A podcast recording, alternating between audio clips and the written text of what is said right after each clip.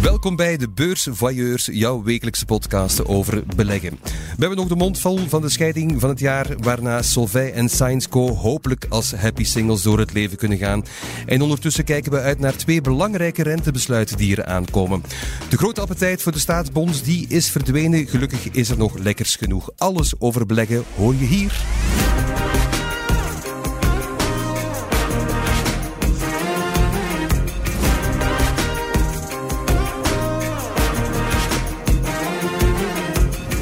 En hier, dat is bij de beursvoyeurs. De beursvoyeurs, dat ben gelukkig ik niet alleen, maar ook Ellen Vermorgen en Frank de Mol zijn hier respectievelijk van de tijd. En de belegger, hartelijk welkom allebei. Dag Thomas. Thomas. Hoe zit het? Uh, even polsen toch uh, met de beursrally? Is de sfeer nog goed, uh, Ellen? Ja, bij mij uitermate goed. Ik weet niet hoe het voor Frank zit, maar ik sta op een bevredigende 500ste plaats in het algemeen klassement. Hè, met, met, van de 25.000 deelnemers. Amai, dat is ja, wel mooi. Ja, en ik sta eerst in ons beleggen sub klassement. Dus yes. Echt? Ja, dat is, uh, dat is fijn. Ah, dat moet wel een dingetje zijn. Dan, uh, voel je dan als je binnenkomt van, oh... Ze, ja, ze, ze... Dan rollen ze de rode loper voor mij uit. en dan voeden ze mij druifjes uh, tussendoor. ja. Dat soort taferelen. En bij jou, Frank? Uh, ik sta nog iets hoger, denk ik, uh, rond 350 of zo. Dus, uh, oh. Ah, is maar, hebben jullie bij de belegger ook een subklassementje? ja, daar is Gert nog voorlopig leider. Dus, Oké, okay. we zullen die klassementen... Proberen, we proberen het nog in ja. goede richting te draaien. We gaan die niet samenvoegen, want dan verlies ik nee, een nee, nee. koppositie. Ja. Allee, goed. Maar er zijn nog veel weken te gaan, dus... Zo is dat. Het, nog even, het kan nog alle richtingen uit. Spannend. Ben jij al ingeschreven intussen? Snel nee, natuurlijk durf dat ah, wel. We doen het subiet, zonder fout. Ja. Ja, voilà. De rest geen druk natuurlijk, jongens. De sfeer is ontspannen. Heel mooi. We hebben een bijzonder boeiende gast hier vandaag uitgenodigd. Een dame die als baas ook zelf haar handen vuil durft te maken om vrachtwagens proper te krijgen. Je kan haar kennen door haar passage in het Canvas-programma De Weekenden met Joris Hessels. Heel mooi programma. Ze is opgegroeid op het Kiel, heeft Marokkaanse roots en is een onder onderneemster liever puur sang die het vak geleerd heeft met vallen en opstaan. Welkom, CEO van Truck Wash Washville, Bushra Hashassi. Dank u wel. En mijn naam perfect uit. Ja, in, in, in, een soort van tongtwister ja? waar ik zelf eventjes onwel van werd, maar uh, het is eruit en ik ben heel blij. Dank u wel. Welkom, hoe gaat het met jou? Goed, goed, goed. Blij dat ik hier ben. Een beetje zenuwachtig, maar bon. We zijn allemaal een beetje zenuwachtig, uh, Bushra, geen zorgen. Jouw bedrijf Washville, uh, dat is geen gewone carwash, hè? Nee, wij wassen alles wat niet door een gewone carwash kan. Um, dus... Dat lijkt alsof het ook olifanten was, maar dat is niet zo, hè? Nee. Nee. Of ja, zou het liefst... kunnen? Het zou kunnen in principe, mocht het nodig zijn. ik weet niet wat dat zou kunnen. We gaan dat niet Tenzij proberen, dat hè, ze-. Tenzij binnenrollen. Ja, oké. maar, wat- Maar sommige, sommige voertuigen die we wassen lijken wel olifanten. Dus dat gaat echt wel tot eh, graafmachines, kranen, Ah, ja. tankwagens, eh, gewoon trekker, opleggers, trekkers. Maar ook een bestelwagen die niet gewoon door een carwash kan. En natuurlijk mobilhomes. Ah ja, ja, ja, alles wat te groot is om in de klassieke carwash binnen te kunnen. Fantastisch. Van, van waar is het idee ontstaan? Ehm, mijn broer die werd vrachtwagenchauffeur ehm, toen hij 18 werd. En ik ben 13 jaar ouder. En als hij moest rijden, dan eh, belden wij s'nachts. Omdat Ja? ik schrik had dat hij in slaap zou vallen. Maar hoe schattig is dat? Ja, ik- Dat is wel echt heel, heel lief en Ja. heel zorgzaam ook. ja, dat was mijn rol een beetje.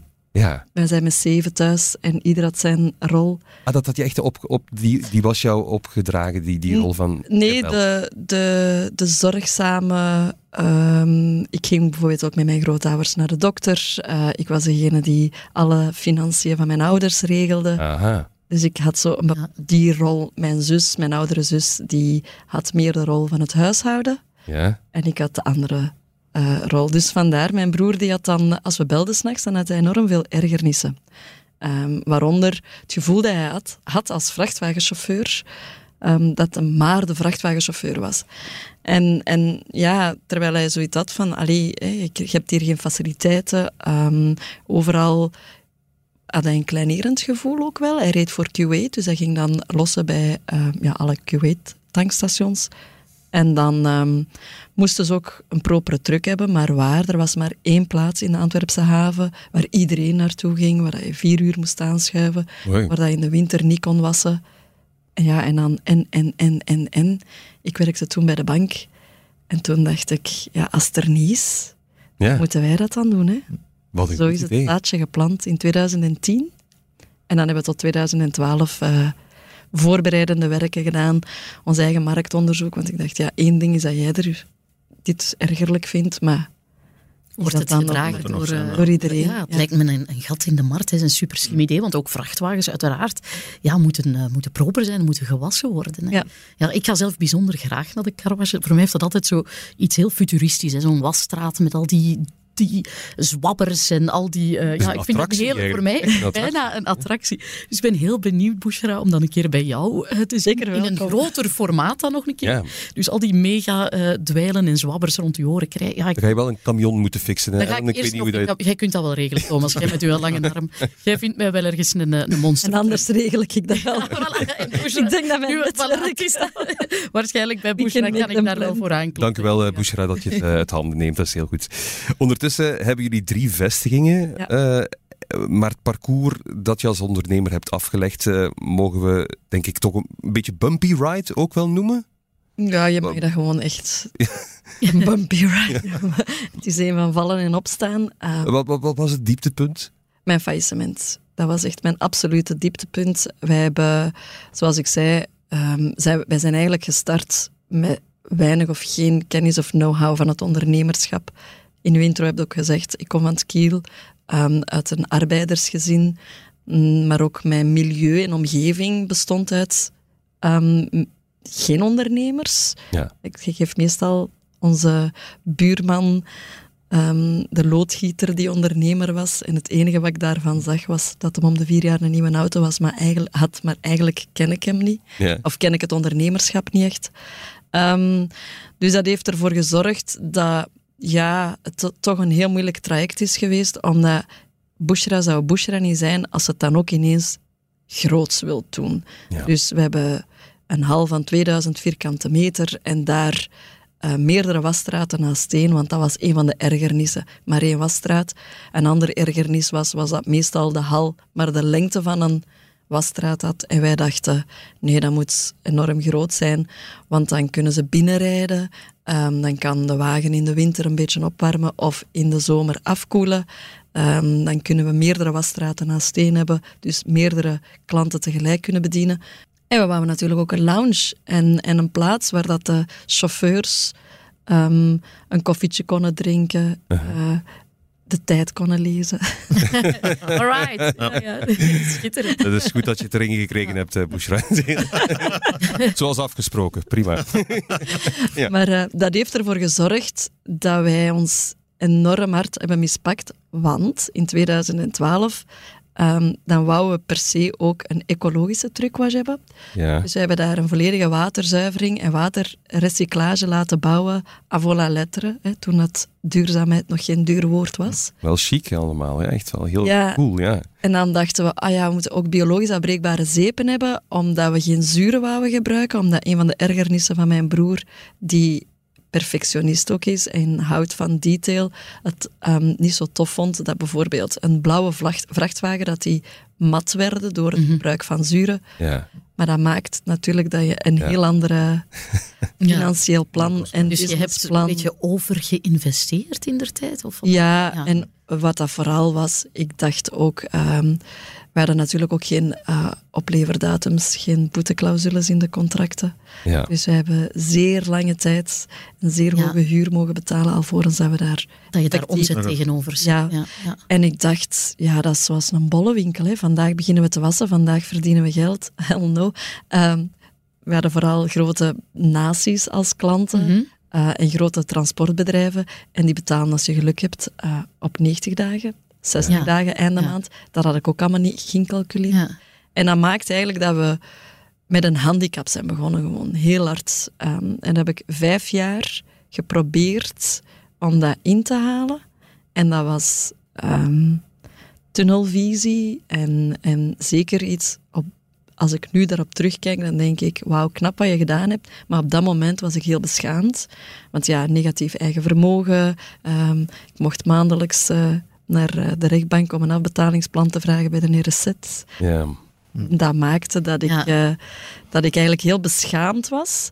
En vooral, ehm, aan niemand vertelde dat ik een bedrijf had. Ik ging ook niet netwerken, want ja, dat is voor succesvolle mensen. Dat is pas als je een auto kunt kopen. Maar ik zag alleen maar assets verkopen, als in alles wat je hebt. En dan nog meer een hypotheek nemen. En ja. dus bij mij was het tegenovergestelde. En ik kon dat ook niet inzien, omdat ik daar ook de kennis niet over had. Uh, en je zat met je neus uh, godganse dagen bovenop en het moest vooruit gaan. En... Ja, en dat was gewoon ja, Ja. smeken en bedelen. Hè. Maar het heeft jou niet tegengehouden om, om gewoon te blijven knokken en opnieuw te beginnen. Dat is wel straf. Ja, dat was ook gewoon van in het begin. Ik wist dat hier ehm, muziek in zat. Ehm, eens dat we erdoor zijn geraakt, dan wist ik ook... Eerste wat ik moet doen, is mezelf, aan mezelf werken. Dus dan ben ik allerlei opleidingen beginnen volgen die er maar zijn. Eh, Ik ben beginnen netwerken. Ik ben mezelf beginnen omringen door mensen, mentors, coaches. ehm, en heel veel kennis opgedaan. Vooral mijn boekhouding geleerd. Dus Ja. effectief financiële kennis. Ehm, ik kan nu mm, mijn balansen, mijn, mijn resultatenrekening, ik kan alles lezen. Ja. Ik lees dat ook als een verhaal, als een Mhm. boek. Ik haal nu eh, bijvoorbeeld, stel er is een lek ergens in onze zeeptoevoer, dat lees ik in mijn boekhouding. Ja, ja. Ja. Dat haal ik er gewoon uit. Ehm, Ja. Klanten die, een klant die niet meer komt, of een ontevreden klant, dat lees ik ook in mijn boekhouding. Ja. En, en dat, heb ik, dat heb ik geleerd de afgelopen jaren. En Ik denk dat ik daar wel heel, heel hard op ingezet en in geïnvesteerd. Schitterend. En daarin zitten ook ja, beleggerslessen. Hè. Wat jij nu allemaal vertelt, denk ik dat je ook als kleine belegger kunt extrapoleren naar je Blijven eigen hè. parcours. Doorzetten en die leercurve doormaken. En ja, er bestaat geen feilloos proces, eh, nog in het ondernemerschap en nog eh, als belegger. En het daarover durf- durven spreken, vind ik het, eh, het, ja, het allerbelangrijkste. Dat was een van mijn belangrijkste missies. Ehm, eens dat ik er voorbij was, dan vond ik het jammer dat ik geen voorbeelden had. Ik vond het jammer dat ik eh, alleen maar omringd was door succesverhalen. Hè. Als je de krant Ja. leest, als je de tijd open doet, begonnen aan eh, een keukentafel met zoveel en nu zoveel omzet. En, en nergens vond ik zo failing Tegen- verhalen. zo, pech. dat de echte verhalen. Ja, ja. Ik denk dat iedereen, hè, ofwel gaat er eens een klant failliet of een leverancier failliet, dat je hoeft zelf zelfs niet de oorzaak zijn van eens slapeloze Ja, het nachten. kan overmacht zijn. Uw rechterhand ja, Ja, ineens gen- ongeneeslijk ziek wordt of wat Ja. dan ook. Ja. Maar ik vond dat nergens terug en toen dacht ik, ehm, ik ga dat beginnen vertellen. Ik wil dat wel vertellen. Ik wil wel... Want als je nu naar mij kijkt en zegt, wauw, wat een succesverhaal, al drie vestigingen en, en, en groei en noem maar op. Maar ja, dat is niet vanzelf gekomen. Ja. Ik heb Ja, ook maar- gewoon echt, echt, echt slapeloze nachten gehad. En soms nog altijd. Ja, ik zou zeggen, beleggerscommunity, ja, spits uw oren. Want ook bij beleggers hoor je alleen hè, wat jij zegt, Bushra, de hoera-verhalen. Hè. Kijk een keer naar mijn rendement hierop en daarop. En je hoort alleen de succeslijntjes in de portefeuille.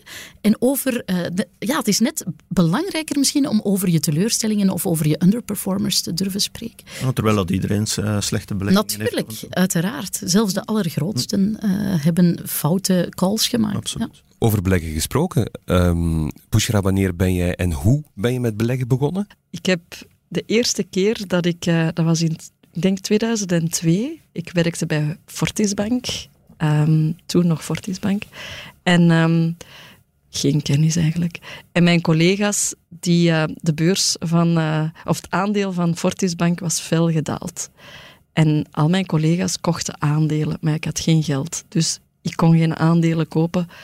En, ehm, en ja, de aandeel ging ineens terug omhoog. Hè. Dus die hebben enorm veel verdiend. Of die hadden daar wel een mooi rendement uit gehaald. En dat was mij bijgebleven. Ik vond het jammer dat ik toen geen geld had om zelf ook aandelen te kopen. Dus in 2008, de bankencrisis, Ja. aandeel van Fortis gaat naar beneden en de D zegt... Ja, ja, nu ga ik alles Nu wat ga ik ik heb erin daarin steken. ja. En toen zijn ze failliet gegaan. En bleef ik over met die Ageas aandelen. En die heb je op vandaag Heb nog, Bush? Nee, ik heb die ook niet. verkocht. Voordat die gestegen Ik wou je net troosten met je, met je dividenden en Is zo, dat- maar daar Allee, kan ik- ik je zelfs dus niet mee Dat is troosten. dat niet. Een succesverhaal, ik hoor het. Dus dat was, dus toen heb ik geleerd dat gaan we niet meer doen. maar als je mij nu... Ja, dus dat is mijn... Um, dus individuele aandelen, dat is niet mijn Jouw dada. dada. Ah ja, dat heb je dan sindsdien ook gewoon niet meer gedaan. Wat, pas op, hè. ik heb 100% van een zeer belangrijk aandeel en die van mijn bedrijf natuurlijk. Hè. Ah ja, dus dat is... Dat is wel, dat is wel een Ja. heel, heel Dat men het beste Ja, Ja, ja. Dat is een Wie weet gaat aandeel. dat ook ooit naar de beurs, Bushra. Je Wie weet, weet, dan werk ik aan mijn legacy. Fantastisch. Het is tijd om eens naar het nieuws van de afgelopen week te kijken. De beursblik. We beginnen stilaan toch al een beetje naar die cadeautjes onder de kerstboom te loeren. Maar mogen we van de beurzen ook cadeautjes verwachten? Daar ben ik nu eens echt benieuwd naar.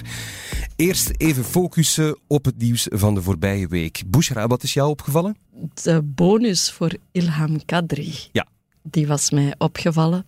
Ehm, maar niet om, om de bonus zelf, maar om Ilham Kadri zelf. Eh, We hebben het over de grote CEO eh, van Solvay. Ja. Het, Van Nu Science Co, ondertussen is het Science Co, want het, ja, het, is, het, het is gesplitst. ja, Maar, het is gesplit. voilà, maar ik had jou laten vertellen, Bushra.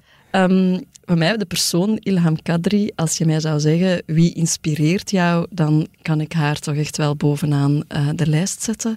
Omdat ik, eh, ik weet niet of dat jullie haar verleden ook wel kennen of weten van waar dat ze komt, maar zij is geboren in Marokko.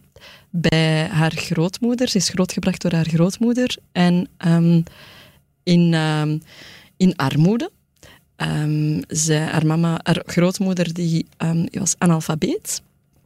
En zij hadden zelfs geen stromend water, eh, geen elektriciteit. En Ilham werd echt wel heel hard gemotiveerd door haar grootmoeder om, om, om te studeren. Kennis is macht. Eh, ze moest heel veel lezen. Ehm, dan heeft ze haar interesse getoond, alleen haar interesse ontwikkeld in wetenschappen en eh, technologie.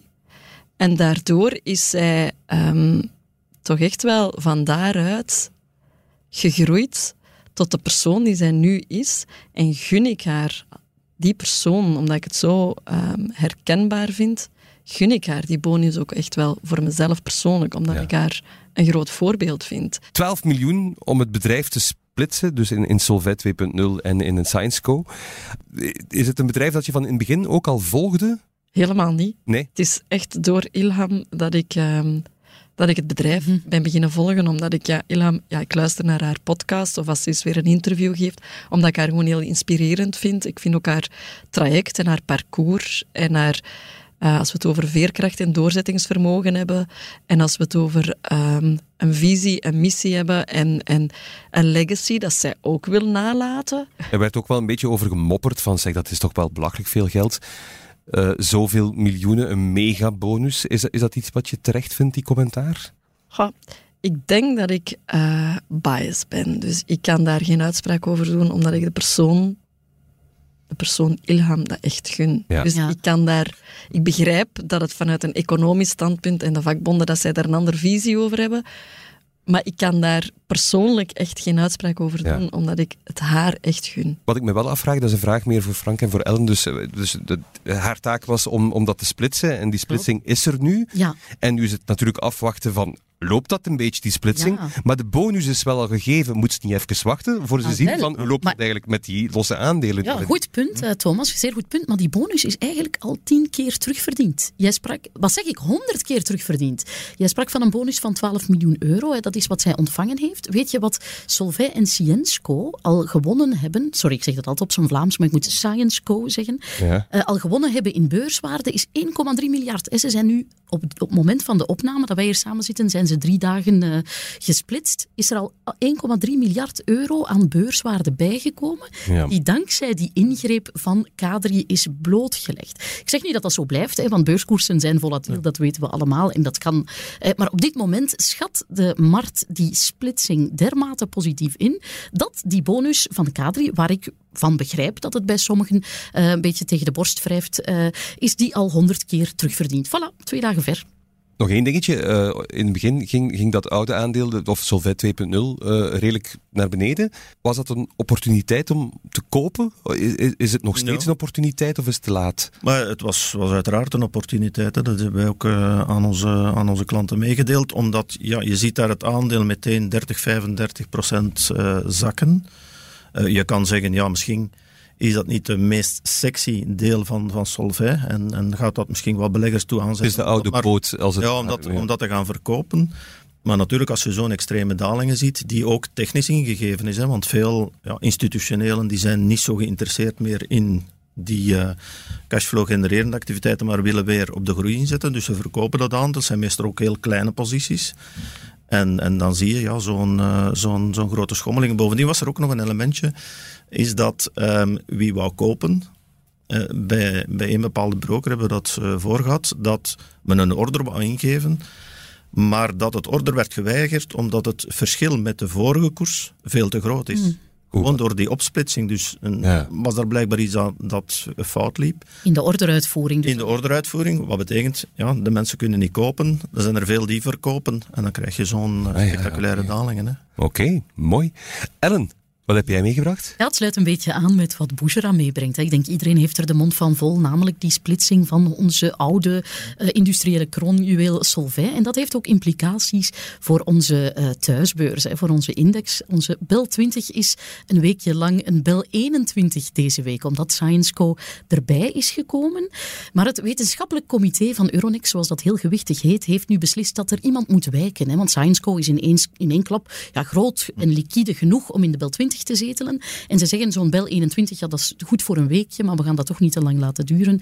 Dus ze kegelen er iemand uit. En de ongelukkige is helaas Barco. Ja, Och, nou, arme. Maar Met, Ja. met de andere vrouwelijke CEO. met de andere vrouwelijke CEO. Dus, ja, dat dus Ilham. Kadri zal na volgende week de enige vrouwelijke CEO in de Bel 20 eh, zijn. Barco gaat terug eh, naar de Belmit. En ja, eh, jammer, hè, want ze zaten er negen maanden in. En je weet, we zijn niet de meest technologische beurs. Hè. De Bel 20 heeft een beetje een manco aan techbedrijven. Iets wat er in Amsterdam bijvoorbeeld heel erg veel is. En Barco was zo een uithangbord van die Belgische techsector. eh, en gaat nu terug een divisietje lager spelen. Maar wat ik dan wel wil weten, ehm, is het dan alleen maar met prestige te maken van je zit in die Bel 20? Voor de Bel 20 wel, omdat er heel weinig trackers of ETF's geënt zijn. Er is er maar eentje, Eentje, eh, die de Bel 20 volgt. Eh, voor een S&P bijvoorbeeld is dat van astronomisch belang. Hè. Als je daarin mag, is dat instant een koerstrigger van je welste, omdat zoveel fondsen eh, jouw index schaduwen. Bij de Bel 20 is dat veel minder. Maar het is natuurlijk fijn voor een CEO van een bedrijf voor te kunnen ja, zeggen, hier, ik zit hier in de Champions League van België. Ja, dus het is, het is vooral een prestige kwestie. Daar heb je absoluut gelijk in. Ja. Oké, Frank. Heel benieuwd wat jij voor ons hebt meegebracht. Eh, wel, ik ga het hebben over de biotech-sector, biotech, medtech. Eh, wat eh, eigenlijk als je gaat kijken naar 2023, heeft die sector een, over het algemeen een beroerd jaar op zitten. Daar zijn twee uitzonderingen. Argenix, het succesverhaal, is denk ik al wel wat bekend. En dan ook UCB, maar dat is dan meer een biofarmabedrijf. Dus dat is al een bedrijf dat heel veel producten verkoopt. Dus die zijn positief afgesloten, maar de andere, veel van die bedrijven zitten ja, 50% lager of, of zelfs meer. Hoe komt dat zo'n slecht jaar was? Wel, alles heeft te maken natuurlijk met, met twee elementen. Hè. Nieuwstroom eh, en dan natuurlijk de, of dat men voldoende cash heeft. Hè. Dat is hier ook heel belangrijk. Men moet veel eh, investeren in, in onderzoek. Dat kost heel veel geld. Dus dat heeft men nodig. En natuurlijk ja, is het niet altijd in elke klimaat dat men gemakkelijk aan dat geld geraakt. En dan moet men soms ja, aandelen gaan op de markt brengen aan een lagere prijs eh, of een voldoende lagere prijs om investeerders over te halen. Nu, wat zijn de nieuwsflow die we mogen verwachten voor volgend jaar, omdat dat heel belangrijke koers eh, beïnvloedende factoren zijn. En eh, dan, dan zien we toch dat eh, 2024 vrij belangrijk gaat worden voor heel wat eh, bedrijven. Als we gaan kijken naar de medtech-sector, dus dat zijn bedrijven die medische apparatuur verkopen, eh, dan zijn er een aantal goedkeuringen of afkeuringen als het eh, negatief uitdraait, eh, van een aantal producten. Ik denk maar aan een Onward Medical, die eigenlijk proberen mensen terug te, te doen lopen, te doen bewegen, eh, die aan dwarslesie eh, lijden.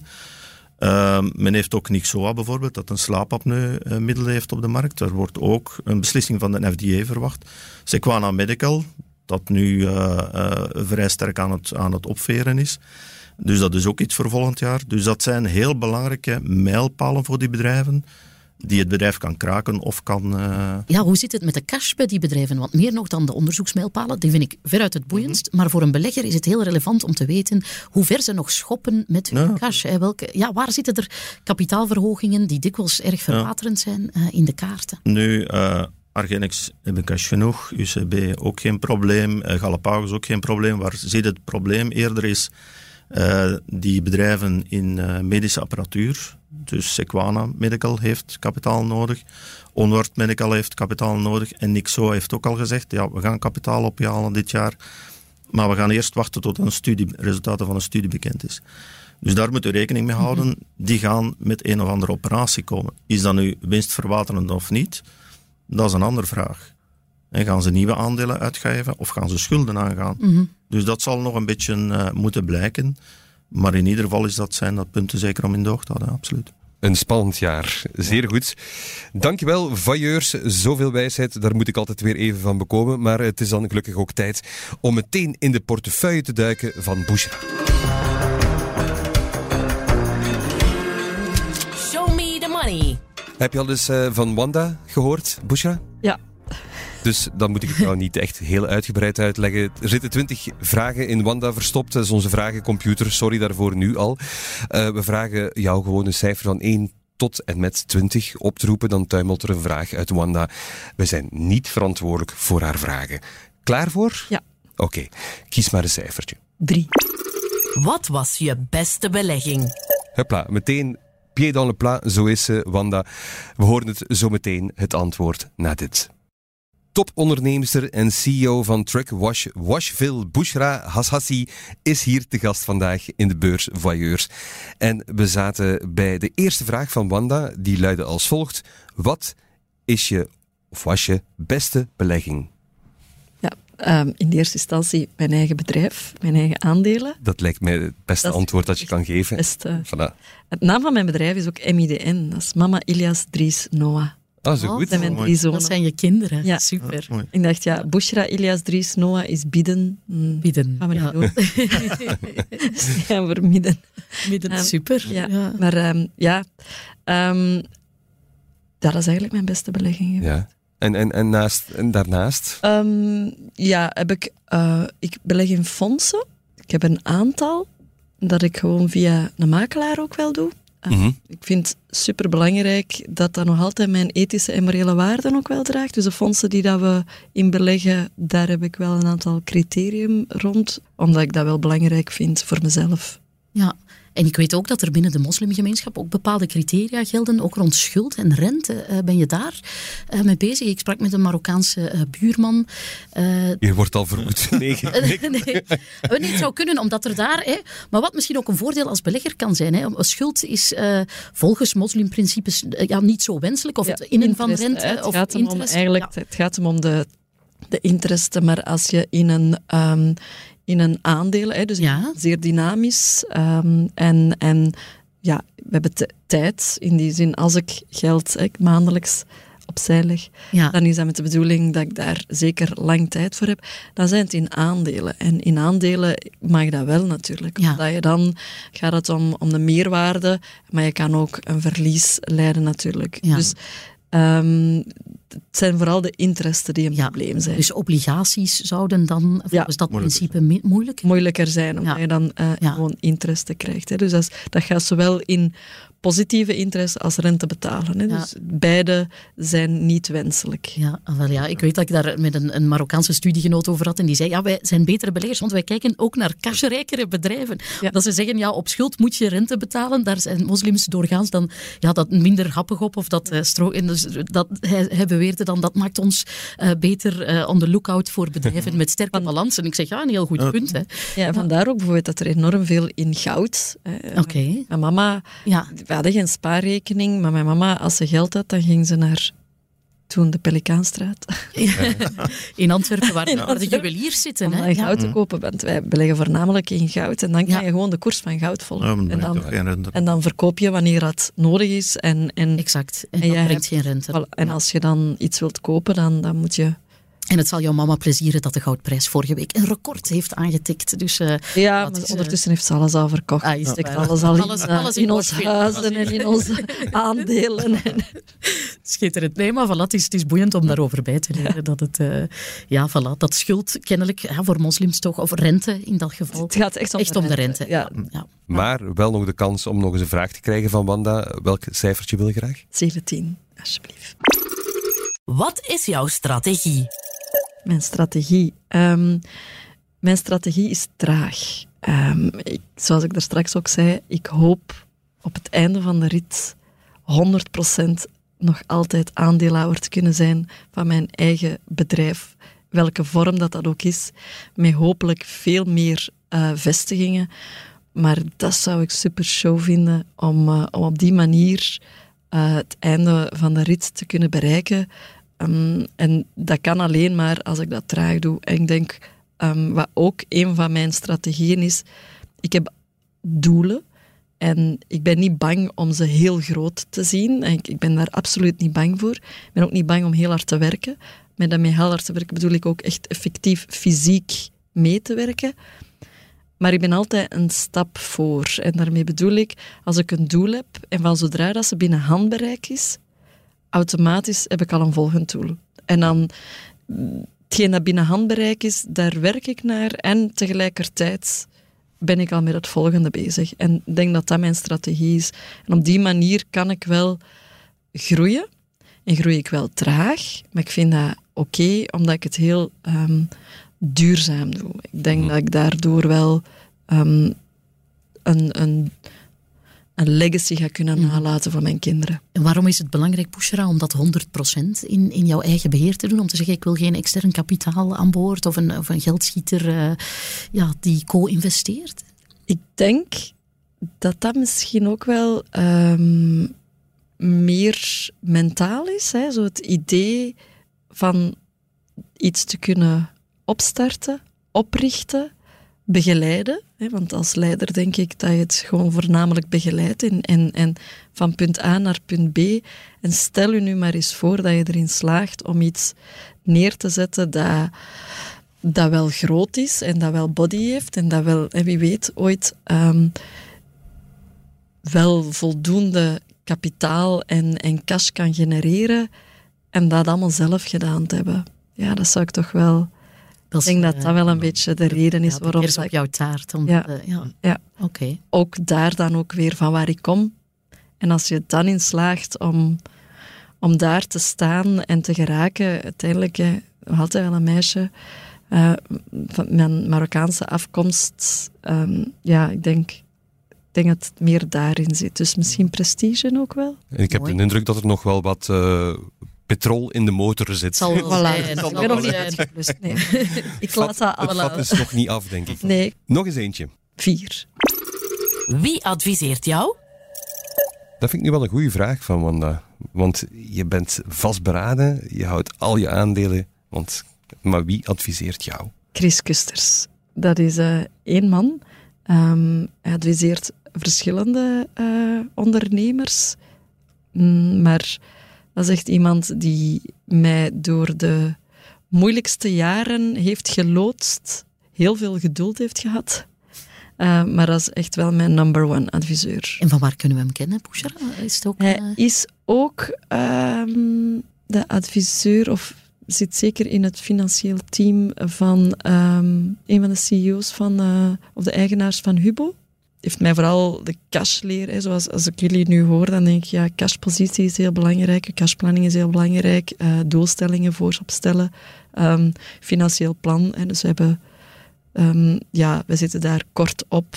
En, en dat is echt iemand die mij adviseert. En dat is, dat is op wekelijkse basis dat, dat Ja. jullie dan eh, ja, iedere week komen wij samen. even meeten? Ja. Oké. Meer dan eh, om het even wie, dat is echt wel mijn go-to man. Ja, Nog eentje, nog één vraagje om het af te ronden. Wat, eh, welk cijfertje? Tien. Wat is jouw einddoel? Mijn legacy. Ja, dat was al een beetje beantwoord eigenlijk. ja, dat is een beetje mijn, uh, mijn einddoel. Um, meerdere truckwashes hebben. Okay. Um, Jullie zitten nu aan? Drie. Drie, oké. Okay. En, en, ja, ik en heb je een doel van hoe, hoeveel, tien. hoeveel moet... Tien? Tien, ja. En waarvan dat ik de locaties ook allemaal weet en waarvan dat er één in het buitenland is. Is daar? Ja. Mogen we weten waar? Ja, ja Frankrijk. Ja. Oké. Okay. Dat is ook buitenland. Ja, zeker. Dat is buitenland als het maar kan zijn. Ja, supergoed. Um, en heb je daar ook een, echt een, ter, een termijn op gezet? Ik had een termijn uh, gezet en uh, die heb ik niet gehaald, omdat ik een faillissement heb moeten slikken daartussendoor. Ja. Waardoor dat ik ja. milder ben geworden voor mezelf. En um, ik ben eigenlijk um, nu heel snel gegroeid in die zin. Ik heb, ben heel traag naar punt, van punt A naar B geraakt. En dan heb ik vorig jaar een tweede trucwash. Um, en dan dit jaar een derde trucwash. En ik heb wel halverwege dit jaar toch wel moeten vaststellen. Nu wil ik eerst even. Ook even terugbekomen. Even consolideren wat, consolideren wat ik heb. En dan, uh, ja. dus daardoor elk jaar één, mm, misschien niet direct, maar mocht er zich een opportuniteit voordoen, en Chris gaat dit niet graag horen, dan zal ik het hoogstwaarschijnlijk heel snel onderzoeken. En ik kan ook niet nee zeggen. Ja, dus volgend jaar in Frankrijk, de eerste, eerste washful. Ja. Maar er is nog veel ruimte in België. Dankjewel, Bushra. Het was zeer boeiend en echt ook ja, heel... Uh, prikkelend om zo bevlogen jou te horen antwoorden. Dankjewel om ons uh, te laten meegluren in je portefeuille. Het is tijd om even de telefoon op te nemen, want er hangt een luisteraar aan de lijn met een prangende vraag. De hulplijn. Beursvailleurs zijn van het hulpvaardige type. Af en toe een luisteraar helpen die verlegen zit om een vraag. Daar zijn ze niet vies van. Vandaag komt de vraag van Johannes. Dag Johannes. Hallo, dag Thomas. Beste Johannes, uh, de beursvoyeurs zitten klaar, Bushra ook. Uh, en ik ben heel benieuwd naar jouw vraag. Uh, wel, concreet, ik ben eigenlijk al een luisteraar van het eerste uur, want jullie podcast viel toevallig samen met mijn start op de beurs begin maart in 2022. Maar hoe mooi is dat? Dus ik luister al lang. Leuk. al een paar goede tips ook, onder andere met Jode Wolf in mei. Het boek van Howard Marks is een ongelooflijke aanrader. Ah, top. Ja. Hij gaat het uh, graag horen, Johannes. Ja, ja wel. Ik vind het uh, zeer boeiend. En dus het is al vaak ook over trackers en ETF's gegaan, ook recent nog. Uh, zelfs vorige week eigenlijk nog, als ik me niet vergis. Ja. Maar concreet, allee, ik had dus alweer houden uit alle tips dat je moet zoeken naar een tracker die best niet in België geregistreerd is, om dus maar uw, uw laagste tax te betalen in België, om een zo laag mogelijk kostenpercentage te hebben. En accumulerend eerder dan een dividend uitkerend. Daar ging het vorige week over, ook nog uh, in de aflevering. Maar nu concreet, ik denk dan dat ik zo een gevonden heb met een iShares Core S&P 500. Onder andere is het dan 0,12 beurtax, accumulerend en 0,07 kosten. Mm -hmm. Maar dan concreet, heb dan zo'n aandeel. Hoe werkt nu die accumulatie? Dat, is, dat kost momenteel zo'n 440 euro voor één zo'n aandeel. En, en hoe gaat dat nu concreet uh, als die dividenden uitgekeerd worden? Hoe wordt dat geherinvesteerd? Wordt mijn aandeel meer waard? Komt er een fractioneel stuk bij? Of hoe moet ik dat concreet uh, zien dat dat werkt eigenlijk? Uh, wel, dag Johannes. Um, het is eigenlijk vrij simpel. De dividenden die de trekker int, die blijven gewoon binnen de trekker. En daarmee gaat men natuurlijk terug die index proberen te kopiëren. Dus wordt weer gelijk verdeeld. Um, en ja, dat, dan zie je eigenlijk de intrinsieke waarde van die trekkers zie je daarmee uh, zie je geleidelijk aan stijgen. Dat is natuurlijk, ja, het gaat over kwartaaldividenden meestal bij Amerikaanse bedrijven, dus dat is niet ineens een snok naar boven. Maar dat gaat geleidelijk aan in de loop van het jaar, uh, ga, gaat daarmee ook die intrinsieke waarde gaan stijgen. Ja, dus de trekker herinvesteert die voor jou als ja. het ware in de onderliggende bedrijven. En dat is voordelig, want dat gaat dan over grote bedragen die zij innen en herinvesteren. Stel je dat je dat allemaal zelf moet doen, hè, met zo'n distribuerende ETF bijvoorbeeld. En je moet die kleine, tenzij je nu echt een grote vis bent, Johannes, dat weet ik niet, maar je moet die kleine bedragen zelf gaan herinvesteren. Dan heb je automatisch een hoger kostenplaatje. Dus vandaar dat het zinvol is en je hebt duidelijk je huiswerk werk goed gedaan om voor een accumulerende ETF eh, te kiezen. En dat is dan een beetje eh, ja, cynisch eraan dat je dan inderdaad, zoals je zegt, best voor een niet in België geregistreerde trekker gaat. Omdat er anders 1,32% beurstaks zowel bij aan- als bij de verkoop verschuldigd is. En dat is niet bij Europees geregistreerden. En dan is het 0,12 uh, procent. Maar natuurlijk, dat kan altijd in de loop der tijd veranderen. Dus dat is iets om altijd... Je kan dat op de website van de FSMA volgen.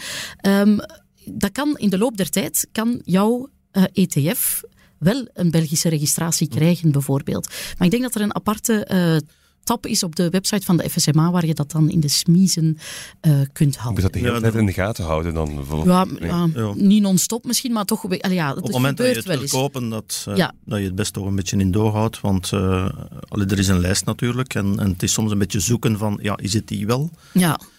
Um, bijvoorbeeld in dit geval voor de iShare Score uh, Standard Poor's 500 staat er één geregistreerd. Maar het is de distributie. Normaal gezien is dan ook de kapitaliserende onderhevig aan die 1,32%. Maar hier gaat het over een verschillende. Het is heel technisch, dus ik ga dan ook niet te lang blijven bij stilstaan. Degene die u uh, naar voren schuift, die is uh, niet geregistreerd. En daar is inderdaad dus die 0,12 op van toepassing. Dus dat is, dat is heel belangrijk. Uh, dat je inderdaad voor zo een kiest. Nu, belangrijk ook van die kapitaliserende is en, ja, het feit dat je geen roerende voorheffing betaalt op de meerwaarde. Hè. Ja. Dus uh, dat is het, het grote voordeel. Als je kiest voor een uh, trekker die uitkeert, dividenden uitkeert, dan betaal je natuurlijk op die uitgekeerde dividenden uh, roerende voorheffing. En soms nog eens buitenlandse bronnenving, dus afhankelijk van, van de origine van die trekker. Ja, ik vind ook wel dat je ziet soms dat dat effect heeft. Hè. Je ziet tegenwoordig als dividenden hun coupon onthechten van hun koers, dat ze verhoudingsgewijs minder verliezen dan de coupon. Dat is volgens mij voor een stukje omdat die accumulerende ETF's hun werk doen. Zij herbeleggen automatisch in de onderliggende uh, bedrijven, uh, waardoor dat toch ja, koers uh, stut geeft, hè, koersbescherming op het moment dat je de coupon wordt onthecht. Dus ja, voor ja. mij... Maar, maar, in dat kader heb ik eigenlijk nog, nog een beetje tip, hè, want de mensen hebben dat dikwijls graag. Uh, dat is, er bestaat een trekker uh, in Franse aandelen. Ja. Dat is iShares MSCI France. En wat is daar specifiek? Men betaalt geen roerende voorheffing, omdat hij kapitaliserend is. Maar die trekker betaalt ook geen Franse bronheffing, omdat er een dubbel belastingverdrag is tussen Ierland en Frankrijk. Maar dus met die trekker kan je in Franse aandelen beleggen zonder dat je roerende voorheffingen betaalt. Hopla. Dus hey, Johannes, oh. wauw, hoort dat aan? Dat is hier uh, een gratis kersttip uh, recht onder uw kerst. Neertokkelen maar, Johannes. Althans, als je in Franse aandelen wil beleggen, uiteraard. Ah, bah oui. De CAC 40 staat op record, uh, dus de Franse sterindex naar een record, in tegenstelling tot de Bel 20. Maar bon, dus toch een mooie prestatie van de Franse beurs. Dat is toch een leuke amuse-gueule, zo net voor de feesten. Hè? Wat denk je, Johannes? Wel, dat uh, is genoteerd bij deze. Ik denk dat ik het hier juist heb opgeschreven. Hopla, dat is goed. Hartelijk dank. Als er vragen zijn nog, hè, laat maar weten, Johannes. Goeie vraag, waarvoor heel veel dank. Fijne dag, hè? Jullie allemaal bedankt. Ciao, Johannes. Bye bye. Zeer mooi. Genoeg stilgestaan bij deze week. Tijd om vooruit te blikken naar volgende week. De blik vooruit. Ellen, waar kijk jij nu al rijkhalzend naar uit? Ah, wel, Thomas. Het is wat wij noemen een monetair superweekje. Want we hebben rentebesluiten, je hebt er in je intro op gealludeerd, aan weerskanten van de oceaan. En hier aan deze kant van de oceaan zelfs twee, want het Verenigd Koninkrijk uh, neemt ook een rentebesluit deze week. Dus zowel de Fed, de ECB als de Bank of England vergaderen over de rente. Verwachting is dat de rente stabiel zal gehouden worden. Maar het is toch uitkijken naar hoe centraal bankiers een beetje de markt hun enthousiasme gaan temperen. Want je ziet dat beleggers heel erg eager zijn om ja, zich in te zetten op zakkende rentes volgend jaar. Hè. Die worden nu vol een bak ingeprijsd. Uh, dus lopen ze daar niet een beetje te hard van stapel en zullen centraalbankiers heel streng uit de hoek komen om dat uh, beursenthousiasme dat we zien uh, toch een beetje te temperen. Daar ben ik heel benieuwd naar. Spannend. Ja. Hoe zit het bij jou? Um, er zijn heel wat investeerdersdagen uh, de komende dagen nog. Uh, bij gebrek aan ja, echt nieuws hè, van bedrijven. Hè, want het is een, een, een dood seizoen voor de, uh, voor de meeste bedrijven. Ehm, dus daar in eerste instantie en dan een tweede naar Kaiman. Kaiman? Een rubriek die elke ik denk zaterdag verschijnt. die teruggekeerd is, want in 2020 gestopt komt nu terug in de voorbode van de verkiezingen van volgend jaar, waar op een humoristische wijze eigenlijk het hele politieke schouwspel wordt, uh, wordt besproken. Dus dat is uh, heel Ja. boeiend om naar uit Ik, ik dacht En even het dat iets naar eiland ging versassen, maar nu ben ik mee. Oké, is goed. goed. Nee, nee, dus de scherpe pen van, Scherp, eh, van ja. Koen Meulenaar, die terug voor ons de politieke actua zal fileren. En eh, ja, Frank, goed nieuws is dat het niet in de weekendkrant alleen is, maar ook in de weektijd. in de week. Dus eh voilà, extra argumenten om ook in de week Absoluut. onze fijne kranten te lezen. Het is leuk om te lezen. Dat is het eerste dat ik Ja, ja, het is altijd eh, ja, een vaste afspraak voor veel mensen. Top nieuws. Leuk cadeautje op het einde van het jaar. Bushra, waar kijk jij naar uit? Ehm, ik heb iets heel tof dat ik echt naar uitkijk. En dat is ehm, op Rechteroever in, ehm, in de haven. Het terrein, het bedrijventerrein waar wij nu ehm, zijn. ehm, ja, ehm, om de koop van het bedrijventerrein af te ronden. Oh, Om Oké. eh, aan de haven de concessie te krijgen. Ja. En eh, daar kijk ik enorm, enorm naar uit. ja. En dat is van het havenbedrijf dat jullie die grond eh ver... De grond is van het, eh, is van het havenbedrijf, Ja. maar eh, de gebouwen, en Gebouwen, niet ja. alleen ons gebouw, dat zijn eh, de gebouwen naast ons ook, ehm, die zijn verkocht door mijn vorige huisbaas. Oké, amai, spannend, Bushra. Ja. Ja, dan wachten we op eh, goedkeuring langs alle kanten en van ah, iedereen, vooral van de haven Antwerpen, waar we nog nodig hebben. ja. Maar het is heel tof, want dat is een, een, eh, een gebouw waar mijn papa ehm 25 jaar lang, want die werkte bij Opel, alle dagen voorbij reed. ja, ja. In al zijn shiften als arbeider. En nu vind ik het gewoon echt enorm fenomenaal te weten dat zijn dochter dat dan eh, op Dan punt staat om het te kopen. Amai. Wauw, Amai. cirkel is Wel, eh, Ja, dat is heel Trots erg op mooi. zijn. Ja, dus ja, waar kijk naar uit naar dat. Ja, tuurlijk. Dit was het voor vandaag. Eh, Ik bedank onze beursvoyeurs van dienst Elle Vermorgen en Frank de Mol. En natuurlijk onze bekende voyeur Bushra Hashassi. Ook een grote dank aan luisteraar Johannes en zijn interessante vraag. Volgende week zijn we opnieuw voor de laatste aflevering van dit seizoen met een bijzondere gast, een superfan van de podcast. En die superfan wou nog niet al te veel prijsgeven, behalve dit. Graag tot volgende week. Wat? Mannekes? Ik mag komen of wat? Dat meent je niet. Nu maakt je mij een dag, hè. Nu maakt je mij een dag. Ik kan mijn schema leegmaken en ik sta daar. Hè. Al- Ik luister elke week. Ik heb elke aflevering 35 keer beluisterd. Oeh. Allee, ik kan maar niet wachten. Tot volgende week. Ah, ah, tjokkes. Dit was de Beursvoyeurs. Presentatie door Thomas de Soete, productie door Lara Droesaert. Mis het beursnieuws niet op tijd.be.